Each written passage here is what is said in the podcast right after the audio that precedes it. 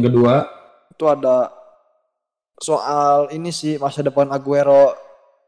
Masa depan Sergio Aguero sih. Oke dan yang terakhir nih gue boleh bacain ya? Iya.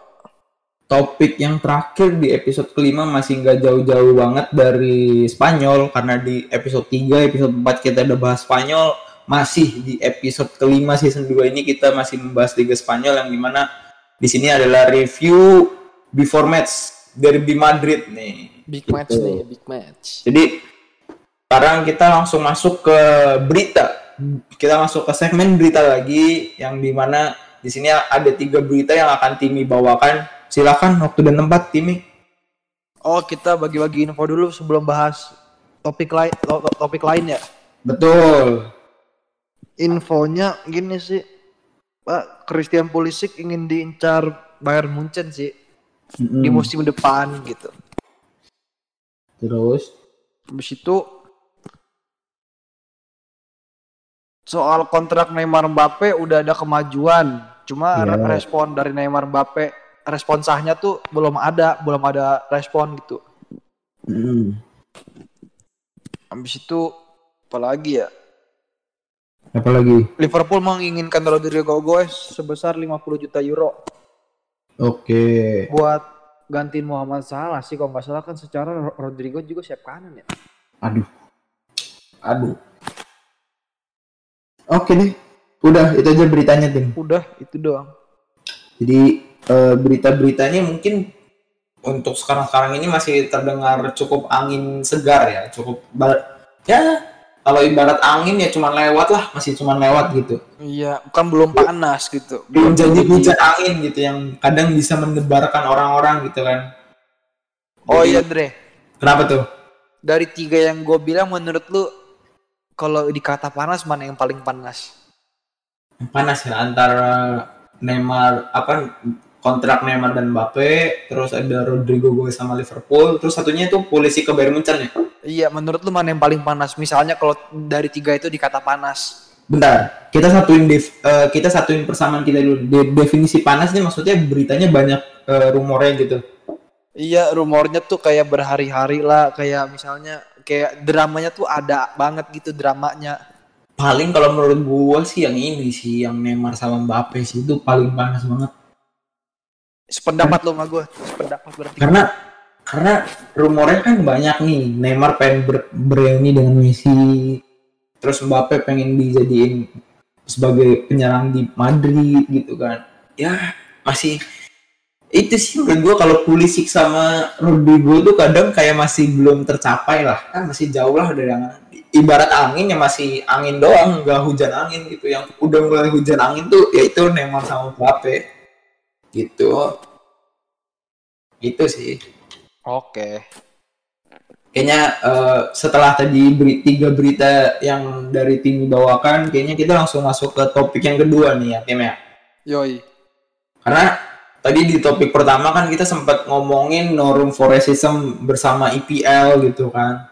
Terus apalagi eh kita ngomongin Liga Inggris juga topik kedua ini nih nggak jauh-jauh banget sama yang tadi sempat kita bahas tapi topik kedua eh, seputar salah satu orang yang di mana berdarah Argentina yang main di Liga Inggris di yang di mana orang ini juga termasuk mendukung no room for racism dia adalah salah satu pemain berarge- berdarah Argentina bermain di klub Manchester City sebagai penyerang. Siapa dia tuh? Kun Aguero. Betul kenapa nih tim kenapa apa yang mau dibahas dari Kun Sergio Aguero Soalnya Aguero nih gimana ya? Udah boleh dibilang legenda Manchester City lah udah 10 tahun menghabiskan waktu di City. Kan juga kontraknya bakal habis gitu. Apa yang ia berikan kepada Manchester City juga udah luar biasa lah apalagi sosok dia ini inilah pahlawan Manchester City dalam memenangkan gelar pertama Liga Inggris. Mm-mm. itu dia ya tahun ini udah habis sih komunikasi soal kontrak juga udah nggak ada kayak David Sifat musim kemarin aja udah nggak ada ya udah nggak ada komunikasi soal kontrak lah dan sebenarnya isunya tuh paling berkaitan tuh ke, ke La Liga sih Aguero itu ke La Ini. Liga ada sempat isunya isunya jatuhnya angin lewat juga sih Atletico Madrid menginginkan Aguero kembali gitu.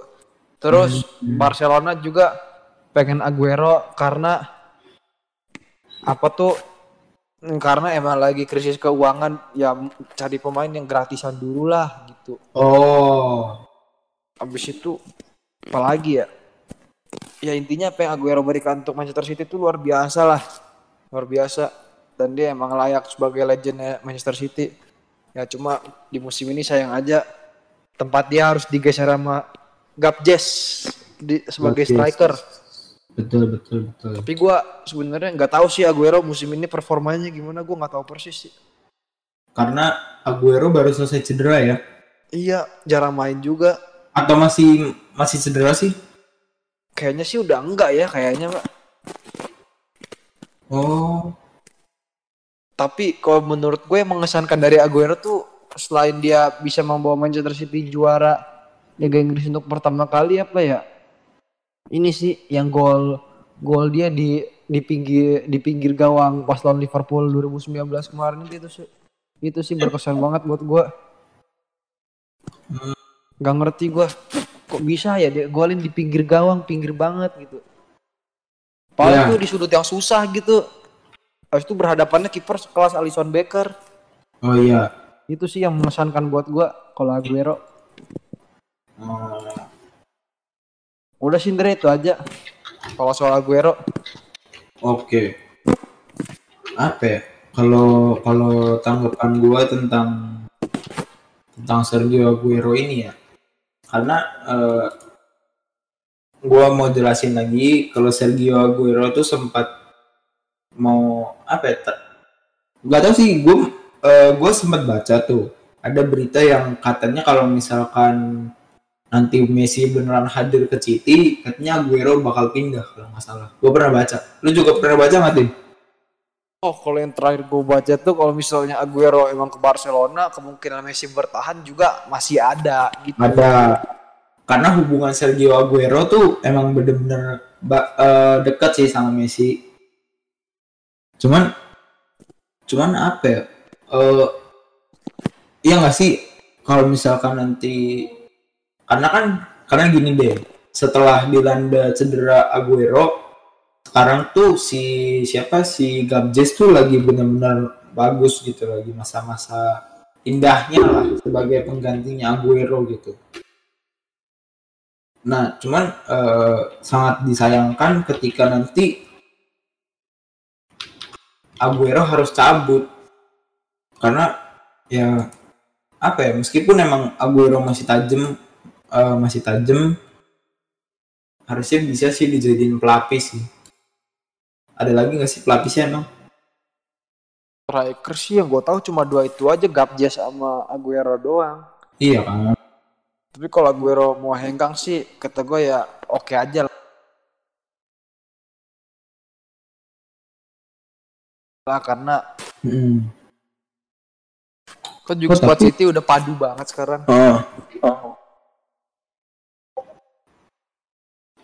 dilanjut lagi tim jadi eh, karena karena kan kan tadi kan bahasanya tentang Aguero lu nanya ke gua Aguero cocoknya ke mana nih? Ya kan? Yoi. Kalau gua sih lebih pengennya eh ini sih ke tadi bentar tadi gue jelasin dulu kalau ke Atletico masih kurang ya meskipun di Diego Simeone menginginkan Aguero untuk kembali lagi ke Atletico gue masih nggak yakin sih kalau ke Atletico takutnya nggak efisien lah. Eh, karena di situ masih ada sosok Suarez yang bisa dibilang masih apa ya sekarang lagi jatuh-jatuhnya nih. Tapi dia bisa bisa lebih lebih cukup lah. Kalau misalkan ada Aguero lagi takutnya nanti jadi pembelian yang flop takutnya gitu. Nah cuman gue punya pandangan yang cukup menyenangkan. Kalau misalkan nanti Aguero hadirnya ke Barca gitu gue sih lebih setujunya ke Barca kenapa karena satu di Barca dia punya sosok temen yang emang bener-bener solid banget. Jadi hubungannya kan antara si sama Messi kan emang bener-bener solid ya timnya.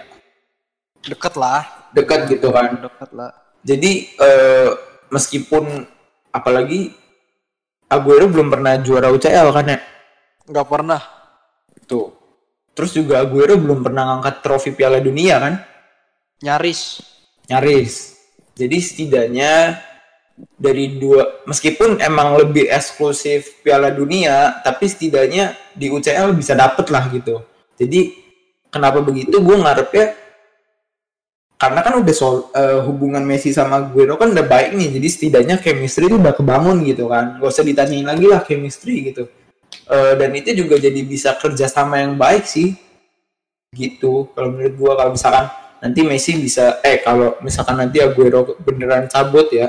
Cuman kalau misalkan nanti Aguero cabut dari Manchester City cukup uh, Guardiola cukup harus cari uh, peran yang baru sih. Sebagai penggantinya Gabjes karena hitungannya takutnya nanti Gabjes bisa cedera siapa lagi gitu oh ya Andre gue mau nyangkal Dre boleh boleh kan tadi lu bilang Simeon emang inginkan dia kembali itu sih nggak ada ya infonya soalnya oh, ada. setahu gue isunya Atletico menginginkan Aguero kembali itu itu cuma isu angin lewat doang dan sampai sekarang udah nggak ada lagi gitu iya cuma sekedar rumor sekedarnya doang gitu loh betul betul ya berarti kalau itu tadi salah ya udah dibenerin. Iya. Jadi kan menurut lu layak layaknya kalau Aguero ke Barcelona ya. Mm -hmm. Kalau gue sih pantasnya ke Italia sih kalau Aguero kalau gue lihat ya. Kenapa ke tuh? Italia sih kalau gue. Kenapa? Ya paling ke AS Roma lah, AS Roma sih. Uh, kenapa lu bisa memilih ke AS Roma? Alasan gue kalau buat AS Roma sebenarnya sih buat menam menambah Liga Italia seru, buat nambah persaingan di papan atas panas hmm. gitu kalau menurut gua dan mungkin ya. Aguero kalau untuk level Liga Italia udah oke okay banget lah. Secara dia pernah main di, di Liga Spanyol di Atletico sukses su, dibilang sukses ya sukses. Di, hmm. di Liga Inggris jauh lebih sukses. Jadi kalau main di Italia itu levelnya udah nyampe banget lah. Oh. Itu. Oke. Okay. tapi emang lu nggak pengen tim uh, ngelihat Aguero sama Messi satu tim tim? Sebenarnya gimana ya? Kalau misalnya nanti ya sebenarnya kok itu mah tergantung keputusan presiden baru, baru nanti ya itu mah. Kalau misalnya keadaan ekonominya masih belum bisa membaik, ya gue setuju aja Aguero main bareng Messi nantinya. Tapi kalau kondisi keuangan udah membaik ya lebih baik cari inilah pemain yang buat jangka panjang gitu ya biar si Lord Bradway itu cepat cabut aja lah ya ampun Lord Bradway terus ada lagi nggak lagi ya. ya ya ya intinya kalau menurut gua Aguero cocoknya KS Roma sih ah, tapi lu lebih setujunya KS Roma ya iya oke okay. ya itu uh, opininya Timi sih emang emang kalau misalkan opini mah nggak bisa dipaksain. Menurut gue lah cocok kayak Roma gitu. Kalau menurut gue emang gue pengennya uh, menurut opini gue sih lebih seraknya kayaknya ke Barca sih. Pengen iya, ngeliat kembali ke Liga lah ya. Iya Aguero sama Messi bekerja sama untuk memenangkan UCL lah. Setidaknya uh, dia bisa akhirnya mengangkat si kuping besar lah. Eh iya kan? Kuping besar ya juga kan ya UCL. Oh iya, lu kalau ngomong-ngomong soal UCL, gue inget sih dulu Aguero bertekad saya ingin di Manchester City terus hingga saya bisa menangin Champions League sama Manchester City. Cuma ya kontraknya kan gak diperpanjang. Iya. Gitu. Makanya, meskipun berharap juga kan harus ada realitas yang dilihat juga dong. Iya. Jangan terlalu ya, sayang aja sih si si Pep Guardiola juga hapus mulu di Champions League sama City. Iya, kenapa ya? paling apa sih ya yang lawan Hotspur sih yang pas 2019 itu sih iya mengecewakan. Eh. sama apa lagi ya? Apa tuh namanya? Sebenarnya Aguero tuh kan memang bebas transfer tahun ini tapi isunya baru cuma dari La Liga doang. Kalau dari yang lain-lain tuh belum ada gitu.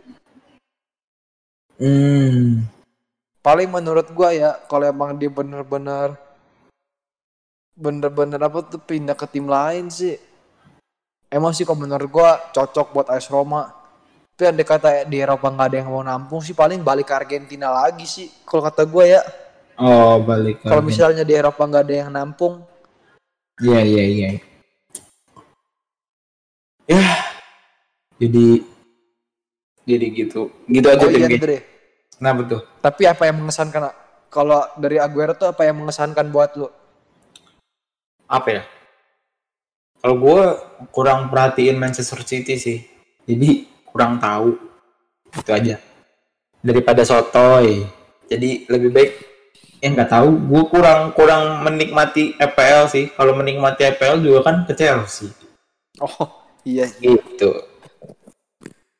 paling nonton Aguero juga itu juga karena pertandingan UCL kan gitu tim Benar. gitu apalagi apalagi tim tentang Aguero ini Tentang Aguero. Apalagi ya? paling gue tuh hobinya golin gawang MU sih kalau yang gue tahu hobinya ya. hah Golin gawang MU hobinya Aguero, hobi oh golin gawang MU. Apalagi di dua musim pertamanya MU dijebolin terus di Old Trafford. hmm Tuh. Oke. Oke oke oke. Oke gini aja deh. Gue mau nambahin dikit lagi nih soal Aguero. Jadi gini kalau tadi kan opini gue kan lebih setujunya ke Barcelona. Sebenarnya eh, opini gue nih salah nih karena kenapa gue mendukung ke Barcelona?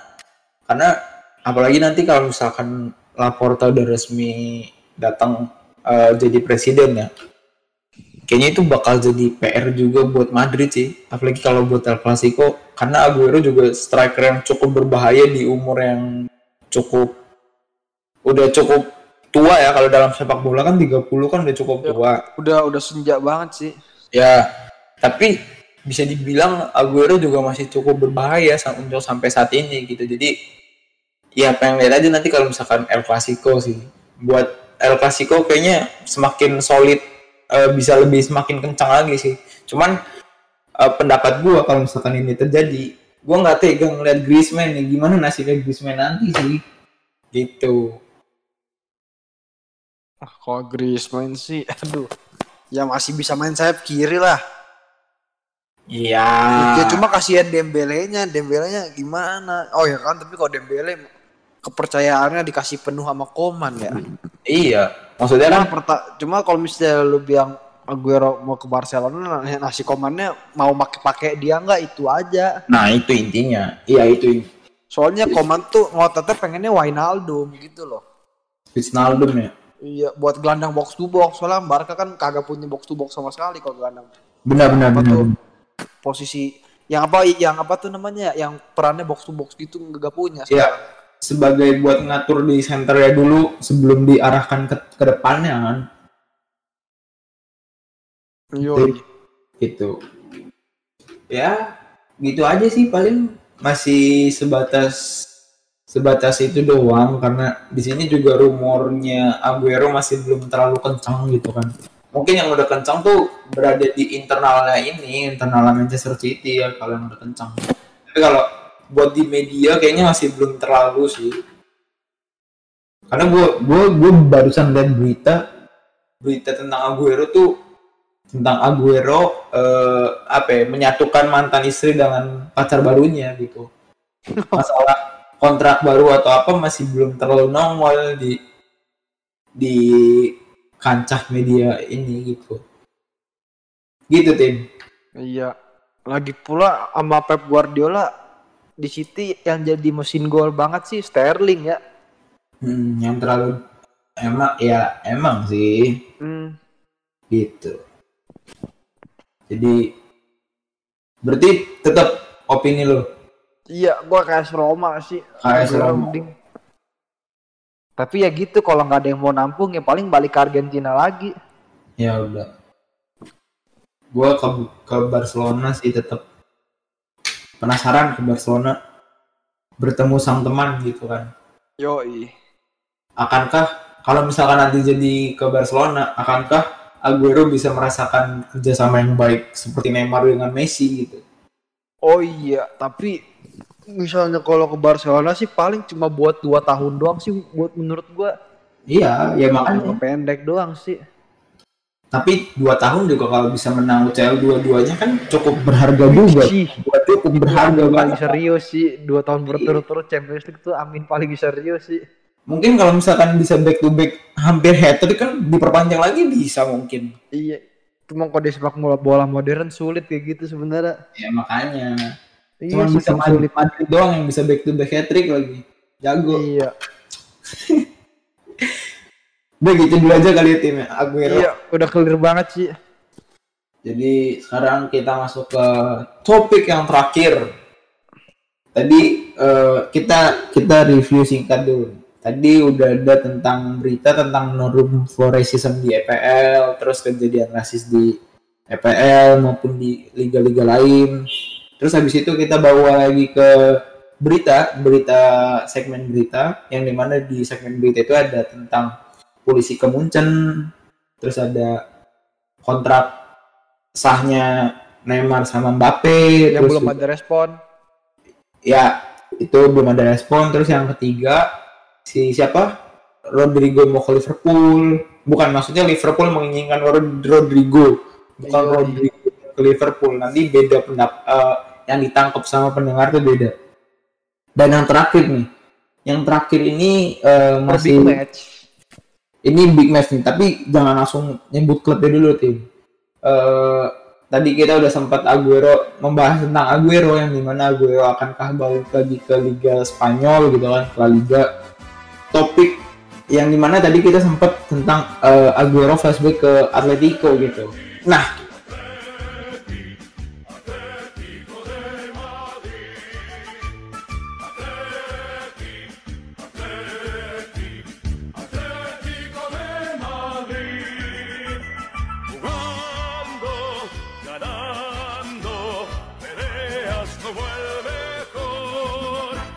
Porque siempre la afición se estremece con pasión cuando quedas entre todos campeón. Y se ve frente al balón a un equipo de verdad que esta tarde de ambiente llenará. topik yang ketiga kali ini nih masih sangat dekat dengan Atletico yang di mana kita akan jadinya akan mereview big match sang derby kakak beradik yaitu de- derby Madrid tapi ini lebih ke before match-nya dulu sih. Iya before sih, match ini matchnya. tanggal 7 ya. ya mungkin after match bisa lagi dibuat episode selanjutnya ya tim ya? Ya bisa diatur lah. bisa diatur. Oke. Mungkin before match dulu nih before match dulu. Boleh dari kacamata fans Madrid dulu nggak? Iyalah, silakan lah, silakan. silakan oke. Ini eh, topik yang terakhir cukup cukup seru juga sih jadi gini eh, derby Madrid ini akan berjalan pada tanggal 7 Maret. 7 Maret yang Jam di mana 3 pagi Andre ya mainnya. eh kagak di Indonesia jam 10.15 malam cukup menyenangkan Minggu malam Senin ya? enggak iya minggu minggu minggu minggu minggu, minggu malam bukan Senin pagi bukan 22.15 Coba tanggal berapa sih sebenarnya? nih gue buka dari La Liga ya minggu tanggal 7 bulan 3 jam 22.15 Oh, oke oke. ini Woi, cukup di kandang Atletico nih ya. di kandang Atletico Eh, bentar sebelum kalau tadi kan kita udah bacain jam sama tanggalnya ini kejadiannya sama kayak di leg pertama sih. Di leg pertama terjadi jam 10 juga nggak nggak pagi-pagi lagi sih. Yang di mana eh, jam 10 ini cukup cukup asik ya buat jam di Indonesia karena eh, yang nonton masih belum ngantuk bukan belum eh, bukan bangun tidur tapi belum tidur gitu. Jadi masih connect lah. Itu salah satu nilai plusnya gitu. Terus kembali lagi eh, ini sekarang di leg kedua ini putaran kedua di kandang Atletico catatan kemarin di pertandingan yang pertama itu di kandang Madrid malah di masa-masa Madrid lagi jatuh tapi ketika lagi melawan Atletico eh, Madrid melakukan hal yang impresif gitu. Tapi sekarang di putaran kedua nih nggak tahu nih gimana nih Madrid akankah bisa eh, kembali impresif melawan Atletico apalagi di kandang Atletico kandangnya Atletico tuh Wanda Metropolitano bukan Wanda Vision kalau Wanda Vision itu TV series Iya iya. Nah, jadi eh, sebelum kita masuk ke apa prediksi tentang game apanya, di sini kita lihat dulu nih eh, peringkatnya, peringkat di La Liga, peringkat liganya.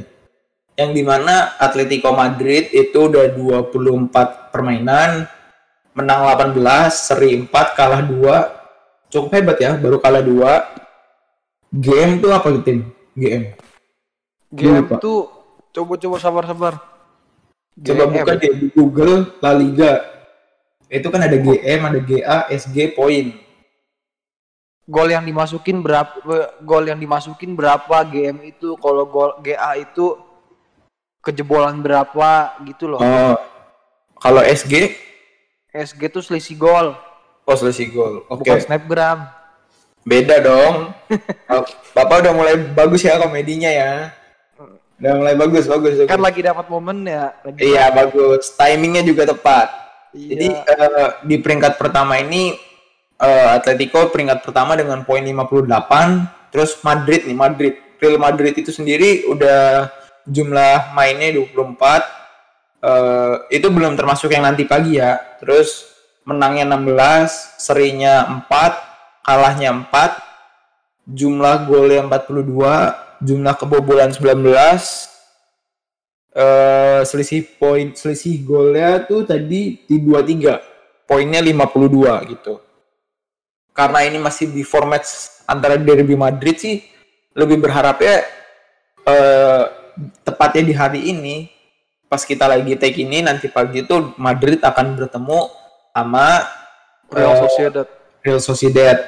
Harapan gua harapannya sih menang sih. Terus nanti pas derby Madrid itu menang gitu. Itu menang baru si itu kan jumlahnya kan udah berarti 26. Sedangkan nanti jumlah dari Atletico Madrid ketika Atletico Madrid bertemu dengan Madrid masih 25. Eh jadi kalau misalkan nanti menang kan berarti kan poinnya sama nih. Terus tepat di Kamis tanggal 11 bulan 3 jam 1 pagi itu Atletico memainkan laga pinjamannya apa laga simpenannya itu melawan Bilbao gitu. Nah, di situ baru harapannya minimal minimalnya berarti ya minimal ya kalah, jangan seri atau pemenang gitu karena kalau misalkan kalah ya Madrid punya kesempatan yang sama nih karena jumlah poinnya sama. Tapi kalau misalkan seri ya paling beda satu game sih. Beda satu game lah gitu. Itu eh before match dari saya dulu ya. Mungkin dari bapak Timi ada dari Timi. Silakan Timi.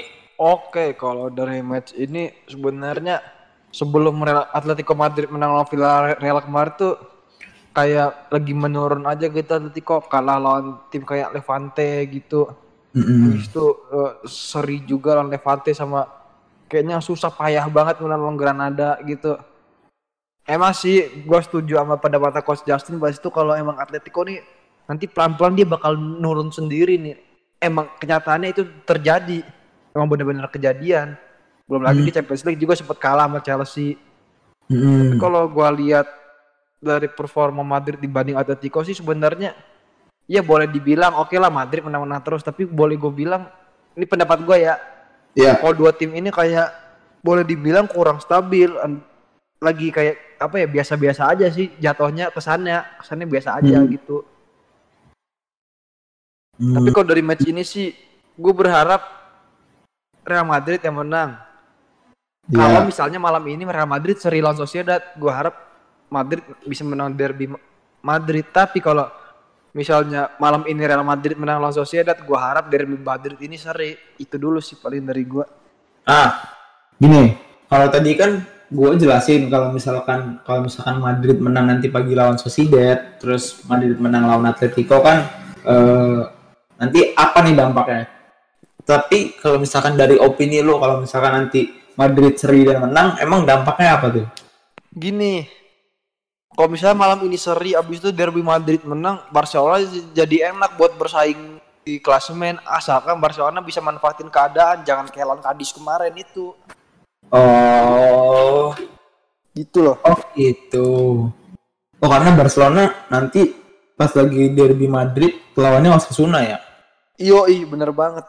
Berarti di saat Madrid menang lawan Atletico, ya minimal Barcelona eh, menang harus ya buat nyamain di peringkat 1 2 3 itu ya. Ngedeketin Iya. lah berarti. Iya kan? iya bener Oh. Ya, Toh lawannya juga lagi nggak berat-berat amat lah lawan Osasuna terus Huesca ya. Ya, Mungkin sebelum sebelum lawan inilah Sociedad kan lawan Sociedad termasuk laga berat juga Sociedad. Iya sih, cukup berbahaya. Oke, jadi gue tambahin dikit. Tadi tuh eh, Timi kemu- eh, lebih berharapnya berharap apa ya? Gimana ya? Tadi gue tuh pengen ngomong kalau misalkan Madrid bisa seri sama menang, eh, baru Barcelona bisa mendekat eh, peringkat 1 2 3 tuh nggak beda-beda jauh lah. Jadi Iya, jadi ngedeketin Atletico-nya tuh enak gitu loh. ah gitu. Cuman itu kan kemungkinan apa ya kalau dari apa yang mau gue omongin itu adalah kemungkinan ke apa ya bilangnya gimana ya? Itu adalah sebuah kemungkinan yang Timi harapkan gitu.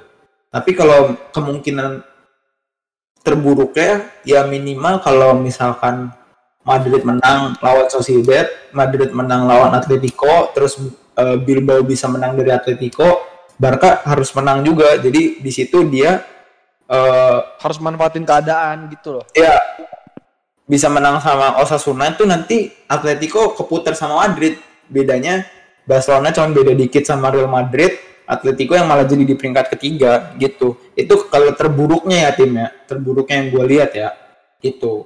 Asal Bilbao bisa harus bisa menghentikan langkah Atletico nih kalau misalkan Barcelona sama Real Madrid mau maju gitu. Gitu kalau terburuknya gitu kalau buat Barcelona.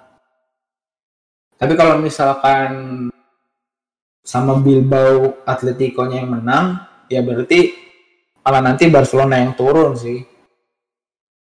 Gitu. Oke. Setuju nggak? Setuju, setuju nggak tim? Iya, iya. Setuju sih itu mah.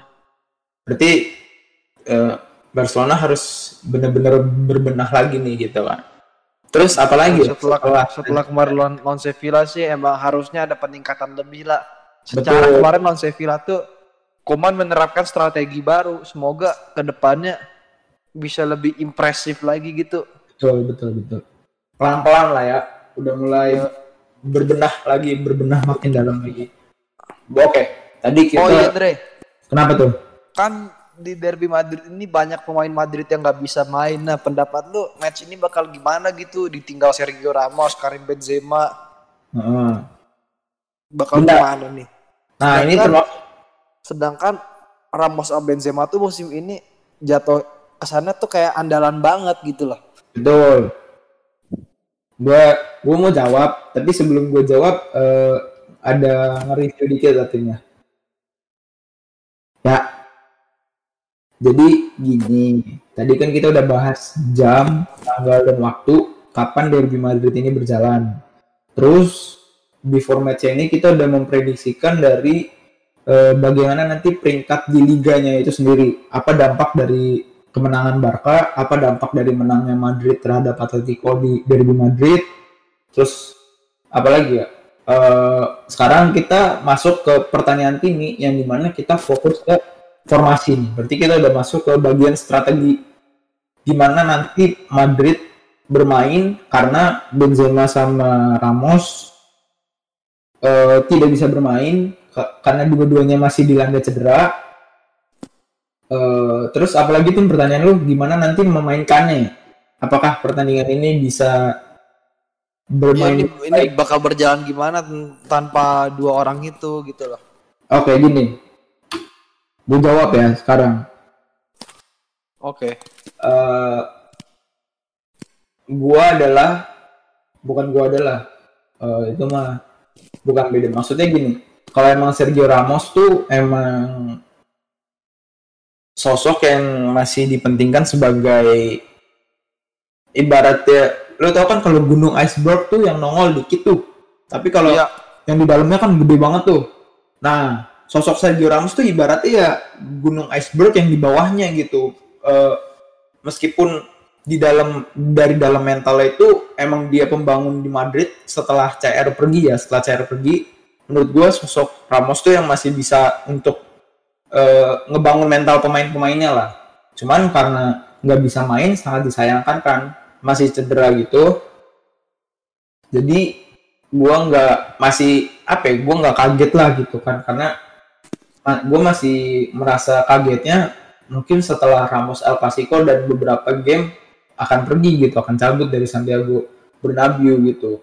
Dan mungkin ini adalah tapi yang gue sedihin sih kenapa waktu waktu terakhirnya Ramos dia nggak bisa bermain untuk mempersembahkan game-game terakhirnya gitu, momen-momen terakhirnya bersama Madrid gitu. Bersama fans kali maksudnya. Hah? Bersama fans kali maksud lu Andre.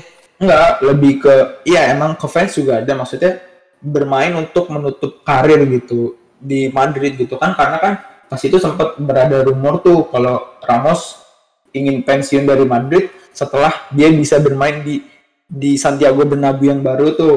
Tapi kenyataannya kan sekarang kan eh, Ramos nggak bermain lagi karena satu dan lain hal gitu. Kalau mau misalkan mau dengerin kenapa Ramos pindah bisa didengerin di episode ketiga episode sebelumnya gitu. Yoi. Jadi jadi gitu tim Eh, harusnya sih gue lebih, lebih sedihnya karena Ramos nggak bisa memberikan waktu-waktu terakhirnya sebelum kepe- kepergian dia bersama Madrid gitu. Di satu sisi gue nggak nggak nggak apa ya nggak takut karena di situ ada sosok Nacho yang mana bisa kembali lagi lah Nacho bermain terus memberikan permainan terbaiknya Nacho gitu. Ya meskipun emang harus ada sesosok kapten yang harus ditinggal eh, direlakan untuk pergi dan tidak bermain lagi ya mungkin Ramos akan bermain pada waktu El Clasico dan itu bulan April El Clasico juga jadi ya setidaknya Nacho sebagai pengganti bisa lebih hati-hati sama lebih tajam lagi sih. Karena eh, Nacho akhir-akhir ini mulai bermain impresif apalagi pas lawan Atalanta sih. Solid. Bagus. Cuman kalau misalkan Benzema eh, Benzema itu gue gue kurang serak sih Benzema karena Benzema saat ini nih udah mulai apa ya lebih kayak udah emang tugasnya dulu di mana masih ada CR sama Bell tuh kan dia kan sebagai pelengkap gitu. Eh, berbeda sampai saat berbeda dengan saat ini kalau dia di saat ini adalah harus benar-benar eh, dia yang majuin gitu nggak bisa dia sebagai pelengkap lagi. Karena dia yang di masa itu emang hadir gitu. Cuman menurut gua udah terlalu berat lah Benzema memegang beban itu gitu. Kenapa nggak Mariano Diaz Mariano Diaz nih yang gua harapin sih Mariano Diaz lah ayo waktunya Mariano Diaz Zidane jangan jangan Benzema Benzema lagi waktunya Mariano Diaz nih gitu kan Iya, tapi Mariano sekalinya main juga bisa golin langsung kan ya? Iya, tapi apa ya? Tapi yang kurangnya adalah kayak contoh nih yang gue pengen sebutin nih. Yang gue pengen menyanggah apa yang lo bilang tim. Emang meskipun Mariano ketika bermain tuh memberikan permainan-permainan yang apik, tapi setelah dari permainan lawan Atalanta ya, Atalanta atau siapa ya? Yang di mana Isco sebagai striker, gue lupa. Yo, itu loh Atalanta ya, itu mah. Iya Atalanta kan. False nine itu, false nine. menurut gua di situ kayak kok sampai segininya sih kenapa nggak Mariano Diaz menurut gua kan eh, kurangnya Mariano Diaz kan karena kurang bermain kan jadi harusnya lebih make sense-nya Mariano Diaz dilatih lagi nih insting untuk turun di lapangan secara langsung gitu gitu sih jadi Benzema tuh bebannya nggak berat-berat banget meskipun eh, gue masih setuju kalau Benzema masih bermain tapi Benzema jangan memegang beban seberat itulah gitu. Itu definisi kritik yang baik membangun bukan kritik rasis dong. Itu tujuannya gitu sebagai bener, bener bener. nggak? Bener banget. Gitu. Mungkin coba boleh tim setelah dari yang gue jelasin eh, ada yang masih mau lu sanggah nggak? Selain Benzema Ramos yang cedera tuh siapa lagi ya? eh, my favorite man Marcelo masih nggak nggak bisa main meskipun masih harus digantiin Ferland Mendy ya Ferland Mendy eh, nggak masalah sih gue Ferland Mendy juga oke oke aja cuman kekurangannya kadang eh, masih suka mundur gitu fokus banget maju lupa mundur gitu sih kalau yang Carvajal gua- juga cedera nggak sih? Carvajal. Carvajal, aduh gue belum baca berita lagi, eh kayaknya kayaknya cedera dah. Gue lupa, gue lupa. Terakhir terakhir lawan Atalanta tuh setahu gue masih main kok. Bentar, gue buka dulu. Lawan Atalanta nih. Oh enggak lawan Atalanta Lucas Vazquez ting. Enggak ada Carvajal, Carvajal berarti cedera. cedera. Cedera pas lagi lawan Valladolid kalau nggak salah. Valladolid atau Valencia ya. Lupa. Oh iya Valencia Carvajal cederanya. Iya yang di menit 20 kalau nggak salah. Di Valladolid udah nggak main itu. Iya benar. Gitu. Gitu dulu tim. Yang gue jawab dari lo. Apa ada yang mau ditanyakan lagi?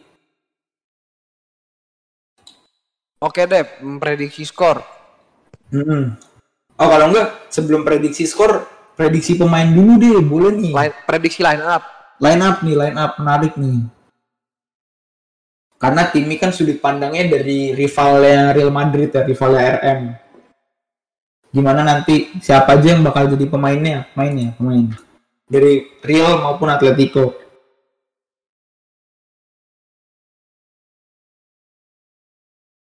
Tim, Jadi prediksinya itu gue mulai dari Atletico Mm-mm, prediksi boleh. line up Jendre. Ya, Coba sabar, gue cari dulu.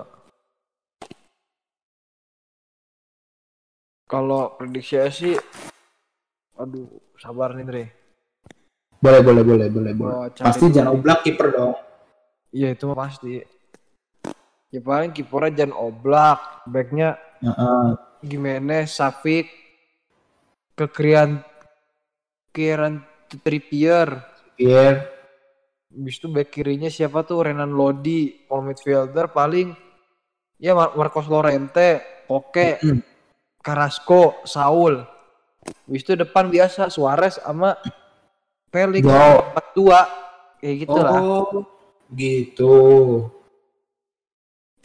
Oke, oke, oke. Kalau dari squad Real Madrid sih ya paling kiper Courtois habis itu back tengah Carvajal eh kok ke Carvajal sih jadinya apa tuh Rafael Varane Nacho Fernandes habis itu back kanan Lucas Vazquez back kiri Fernand Mendy itu dari gelandang ya kayak biasa Casemiro Kroos sama Modric kalau depan sih paling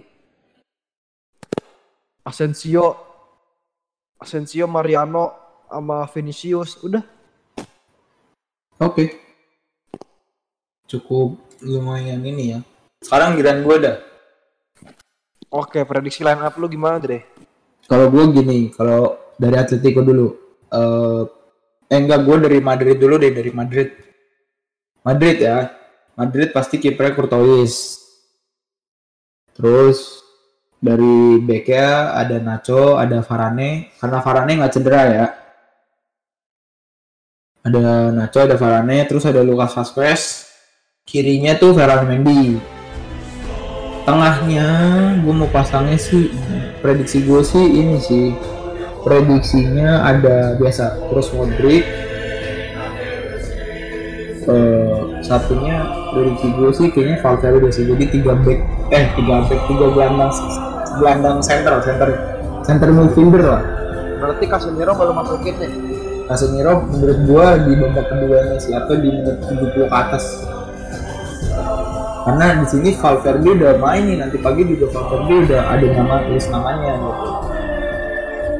Terus gue pengennya nanti eh strikernya udah sama kayak lu Vini terus ada Mariano sama Asensio gitu gitu sih itu dari Madrid nggak ada yang terlalu ini sebenarnya dengan banyak yang cedera pemain juga Madrid masih punya cukup cadangan pemain yang menurut gue bisa solid sih gitu. Terus kalau dari Atletico udah pasti kiper Jan Oblak.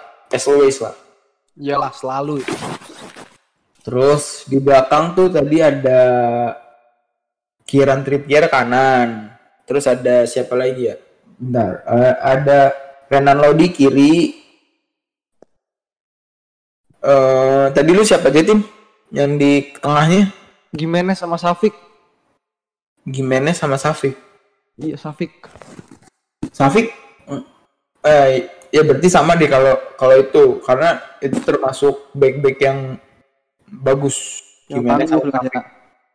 Terus di tengahnya nih kalau di gue lebih di tengahnya lebih milih ini ya ada Thomas Lemar, ada Lucas Torreira, sama satunya Joao Felix. Tapi Joao Felix sebagai attacking midfielder atau SS. Berarti lo 433 Ya 4-3-3. Eh, baru di depannya tuh ada Yannick Carrasco, ada Luis Suarez. Oh, baru ding. Thomas Lemar tuh sayap kiri. Iya, Gue ingetnya Lemar Partey. ini left midfielder, kalau Lemar itu saya Iya, gue ingetnya Partey dong. Kalau Partey kan gelandang, berarti gelandangnya Partey kan di Arsenal ya. Iya, eh, berarti gelandangnya tuh eh, Lucas Torreira, Saul Niguez, sama Joao Felix. Oke. Gitu. Karena Lucas Torreira sama Saul Niguez gue prediksi sih sebagai center sih center gitu. Mungkin Marcos Llorente di babak kedua ya. Gitu. Gitu deh. Oke. Alasan lu kalau Lorente babak kedua tuh kenapa? Apa alasan lu? Eh, menurut gua karena Marcos Llorente sendiri punya emosi apa ya kalau dibilang emosi maksudnya eh, hubungan yang emosional sama Madrid pasti ada itu juga mungkin bisa jadi salah satu alasan yang di mana dia punya keterikatan yang kadang eh, yang bisa jadi membuat nggak enak main sama Madrid gitu. Jadi kayak hati-hati gitu. Nggak lepas lah. Terus eh, kalau enggak ini jadi kenapa Marcos Llorente jadi nggak jadi starter? Menurut gue eh, jadi senjata sih. Ketika nanti pemain Madrid udah pada capek dia masih fresh nih. Bisa jadi eh, ibarat tombak lah yang nusuk-nusuknya gitu. Gitu Marcos Llorente kan ini ya AMF ya attacking ya atau Enggak, Lorente tuh CCDM cuma sekarang lebih sering main jadi CM sih. Oh iya, ya intinya gitulah yang dari gue bilang tadi. Gitu sih. Marcos Llorente. Cukup menarik. Gitu deh. Ya udah Oke. sih cukup. Mungkin setelah kita line up eh before match satu lagi nih terakhir berarti yang tadi lu udah sempat bilang. Itu adalah skor. Skornya berapa berapa tuh? Prediksi gua satu sama. Satu sama ya. Oh iya, berarti tim itu lebih berharapnya. Tapi kata lu tadi lebih berharap menang kalau lawan Atletico. Oh iya, harapan Sociedad. yang menang ya. Iya, Ya satu kosong aja lah. satu kosong. Iya, Real Madrid. Oh iya, ya gua prediksi Real Madrid ya. Kalau gua sih di sini kayaknya nanti di derby Madrid ini Mariano sama Asensio bakal bisa menggila sih. Menggila untuk melibas Atletico sih. Gue berharapnya nanti lawan Atletico bisa tampil impresif lagi lah, jangan mengecewakan gitu. Kayak di putaran pertamanya gitu. Cuma Jadi skornya dua, dua atau tiga satu. Kalau nggak dua kosong ya tiga satu. Oke. Cuma sih kalau pas paruh musim pertama yang Derby Madrid tuh Suarez mainnya gimana sih Andre pas itu? Lah, Suarez bukannya cedera ya pas itu ya? Oh iya, cedera pas itu ya. Oh Makanya iya Marcos Llorente gimana pas itu main Marcos Llorente? Di situ bisa dibilang Marcos Llorente apa ya? Eh, masih pinter cari celah sih, cari celah untuk memanfaatkan kesempatan mana nih yang bisa dikonversi jadi gol. Emang emang bisa dibilang cukup membahayakan sih kalau misalkan backnya kadang masih suka kendor gitu sih. Tapi kalau misalkan nggak kendor juga kadang tendangannya cukup cukup buat pusing kiper juga ya. Apalagi Courtois nih, saya takut nih Courtois. saya masih meragukan soalnya kalau Courtois kalau nafas masih pede-pede aja gitu. Enggak lah, kalau Courtois not bad lah. ya not bad. Maksudnya cukup kadang eh, kalau Courtois tuh kadang masih suka ada blunder-blunder yang harusnya tidak terjadi malah terjadi gitu. Yang gue takutin itu aja. Oh iya iya. gitu. Ya sebenarnya semua kiper sih. Tapi kayaknya ini juga bisa gitu jadi Marcos Llorente juga pemain yang harus cukup dijaga cukup berhati-hati untuk jangan sampai lepas apalagi nanti Luis Suarez kan ada Luis Suarez kalau nggak salah kayaknya nanti Iya. di nanti Suarez juga kan top skor kedua di La Liga. betul setelah Messi Oh iya. Oh iya Andre, sampai sekarang Marcos Llorente masih jadi top assist gak sih di La Liga? aduh gua nggak perhatiin ini belum perhatiin itu tuh Gua Jadi gua- juga agak lupa sih. gue kurang tahu sih kalau yang kalau yang most goal di La Liga gitu belum gue baca lagi sih. juga ya. Mm-mm, belum gue ikutin lagi updateannya gimana. Duh, kalau top skor gitu mah semua akan Messi pada waktunya kalau kayak gitu mah. iya Emisionet jadi ya udah gitu aja paling. Dari di Madrid ya timnya. Cukup tim. Apa ada yang lu tambahin lagi Udah cukup kok. cukup berarti berarti silahkan tim boleh ditutup Oke. Bu- Ditutup ya. ya Oke, sekian dari podcast kami di The Magic of Football dari bahasan kami hari ini. Gua Tim Yarden dan rekan gua agenda di Mosa Dembele Andreas Royando pamit undur diri. Sampai jumpa di episode selanjutnya. Jangan lupa dengerin podcast kita The Magic of Football. sampai jumpa